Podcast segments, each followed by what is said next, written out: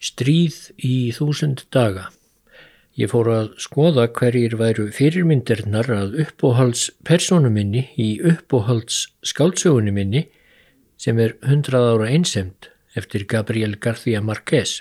Þessi flækjusaga byrtist fyrst í fréttablaðinu 8. februar 2014.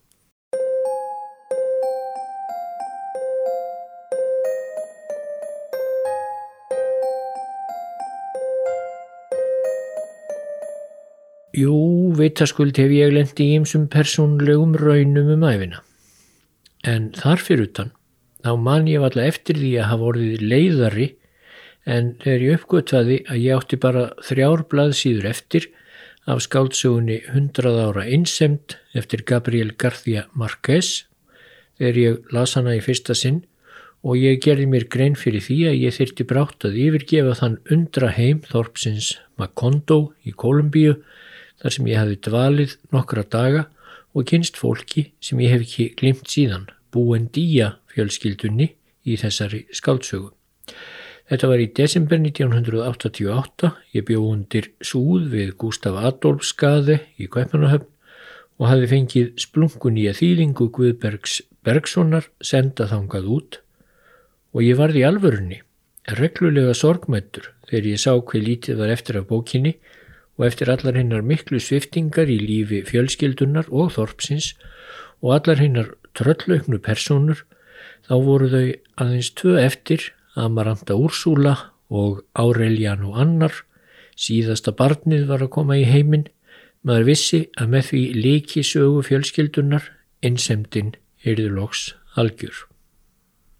Skáltsaga Marques 100 ára einsemt kom út á spænsku árið 1967. Hún sló strax rækilega í gegn eins og þar stendur.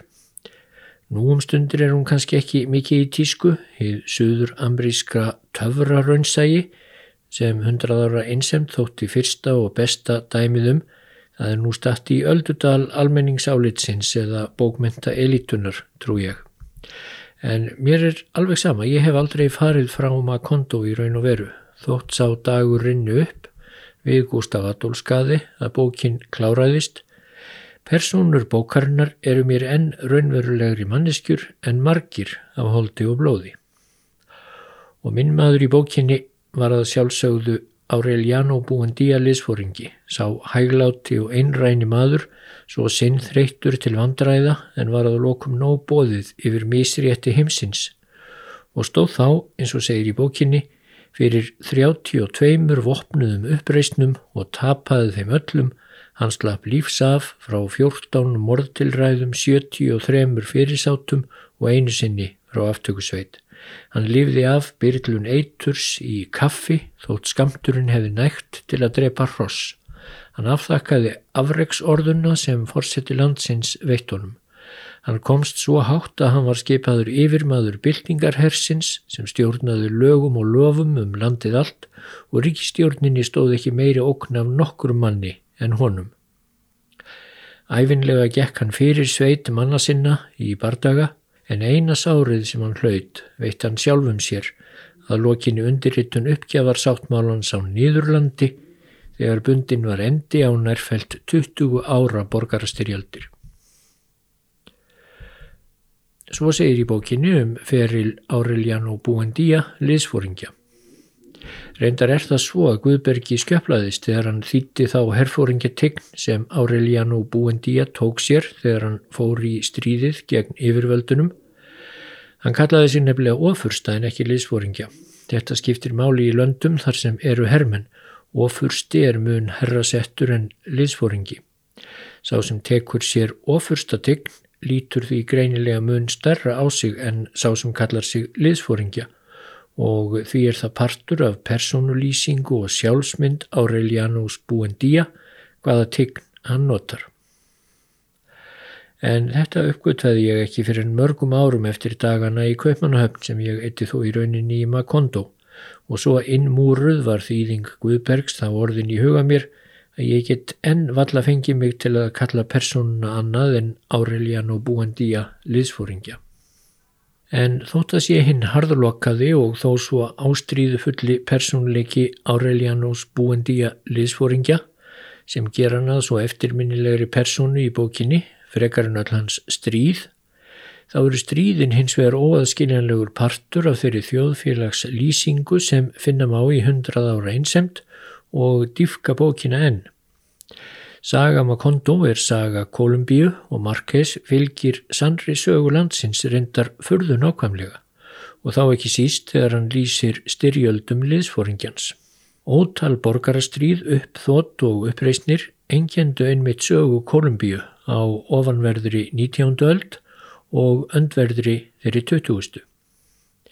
Og saga liðsforingjans mótast engum að finna svo nefnda þúsund daga stríði sem háð var milli frjálslindra uppreisnarmanna og ríkistjórnar íhaldsmanna í Kolumbíu frá hausti 1899 og fram á árið 1902. Frjálslindir og íhaldsmenn í Kolumbíu háðu marga hildi þá áratugina. Deiluefni þeirra voru flókin og margbrotin, snerust til dæmis um hlutverk kathólsku kirkjunar, en fremur um mentun, um efnahagsmál, valddreyfingu, um totla og peningamál, um mannréttindi, um kaffirækt og fleira.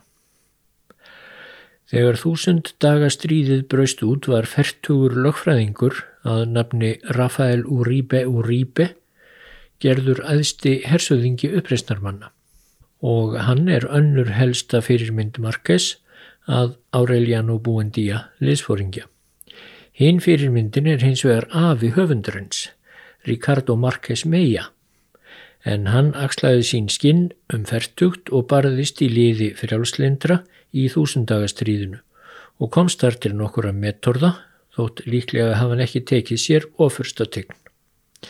Fram til 8 ára aldurs ólst Marques upp hjá afa sínum og ömmu í smáþorpinu Aracataca og þau sögðunum flestar þær sögur sem verðu kveikjan að henni ódöðlegu skáldsögu setna. Það má líka fylgja sögunni að það var Ricardo Avi sem fór með Marques Ungan að sjá ís í fyrsta sinn en á slíkum viðburði hefst sagan. Það er til marksum hver ástandi í Kolumbíu var flókið og viðkvæmt að tveir stálpaðir sínir Ricardos börðust í liði íhaldsmanna. Þá hafði hann eignast áður en hann giftist ömmu Markesar. Og það er líka til marksum að í reynd var ástandið fullkomlega surrealist í flækjum sínum að í einni helstu orustu þessa þúsundaga stríðs við Brúna yfir Peralonso fljót þá virtust frjálslindir undir stjórn hins Guðuga Úríbe Úríbe fara mjög halloka og skotfærin voru búin en þá byrtust tveir múlasnar hlaðnir bissukúlum og sprengiefni svo frjálslindir náðu vopnum sínum á ný og komust óhulltir undan. En múlasnar þessir höfðu verið sendir úr herbúðum stjórnar hersins í þeim tilgangi beinlínis að koma fótunum aftur undir uppreysnarmenn. Því íhaldsmenn töldu sér hagi að draga stríðið á langin. Þá fengið þeir tóm til að prenta enþá meira af pappirspeningum. Aukin verðbólka sem af slíkri peningaprentun hlitist kæmi þeim nefnilega vel. En hún var engin blekking svo orrusta sem næst fór í hönd í mæ árið 1900, svo blóðugasta og skelvilegasta í sögu Kolumbíu.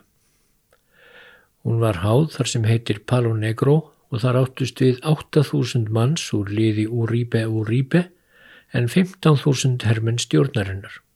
Sumir hermannana voru barnungir Badnahermen eru engin nýlunda fundin upp í Afríku og vorumdögum en menn skildu halda það. Í halvan mánuð var barist í þéttum skógi í fjallahlýðum á 26 km breyðri výlínu. Þar hjó hver annan, vinir og feðgar og nágrannar lágu dauðir hvort sínum eigin výlínunar þótt Ricardo og sínir hans hafi sloppið við að drepa hver annan. Fnikurinn af sundurtættum líkum lág yfir skotgröfum og bissuhreðrum, gammatnir gáttu valla að hafið sig til flugs, svo mikið hafðu þeir að geta, oft þurftum en að berjast gegnum blóðfyrst flugnaskí sem umkringdu líkin. Konur mættu á svæði til að púsla saman leifum svona sinna og eiginmanna, líkræningjar, stukku millir líkamsbútana og reyndu að hyrða eitthvað nýtilegt og verðmætt. Að lokum flúðu frjálslindir af Holmi, örmagna og höfðu mist 1500 manns.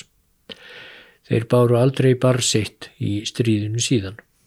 Ríkistjórnin gerði þá að stríðsmála ráþara sínum hörku tól að nafni Aristides Fernandes sem hótaði að lífláta hvern einasta fanga frjálslindra ef þeir gefist ekki upp og smátt og smátt var alveg þorrið baráttu þreg Úríbe Úríbe og manna hans. Að lokum undirrittaði þessi æðsti herfóringi frjálslindra uppgjafarsamninga. Reyndar þar sem heitir Nýðurland, skamt frá borginni Barranquilla, en hann skaut sig þó ekki eftir uppgjöfuna eins og Aureliano Buendía liðsfóringi í sögu Marquesar, heldur gekk hann í lið með íhaldsmönnum og gerðist sendiherra. Ætlan hafi ekki bara líka þegið með þökkum afreiksorðuna úr hendi fórsetans.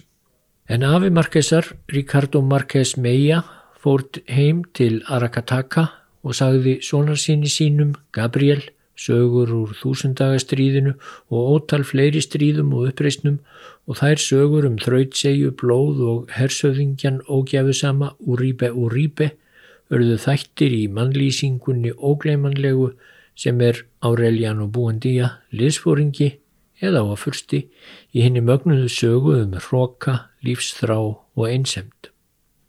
En þó endaði sagan um Aureliano Buendía í skáldsögunni öðruvísi en sagan um Uribe Uribe. Hann gekk ekki til liðs við ofinninn eins og Uribe Uribe gerði og hann þáði enga sendiherrastöðu. Sagan um endalók liðsfóringjans þar sem hann situr einn og framleiðir litla skrautfiska úr gulli, hún á ekkert skilt við Rafael Uribe Uribe sendiherra. Ótrúleitt nokk þá verðist hún fremur dregin af endalókum erki ofinnarins Aristides Fernandes.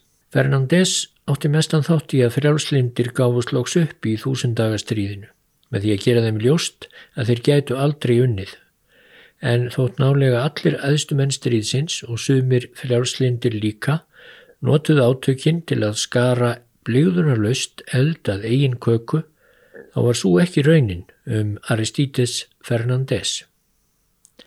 Hann var af venjulegu fólki komin, auðgaðist ekkert af þáttöku sinni í pólitík eða styrjöldum og hann endaði æfina blásnauður.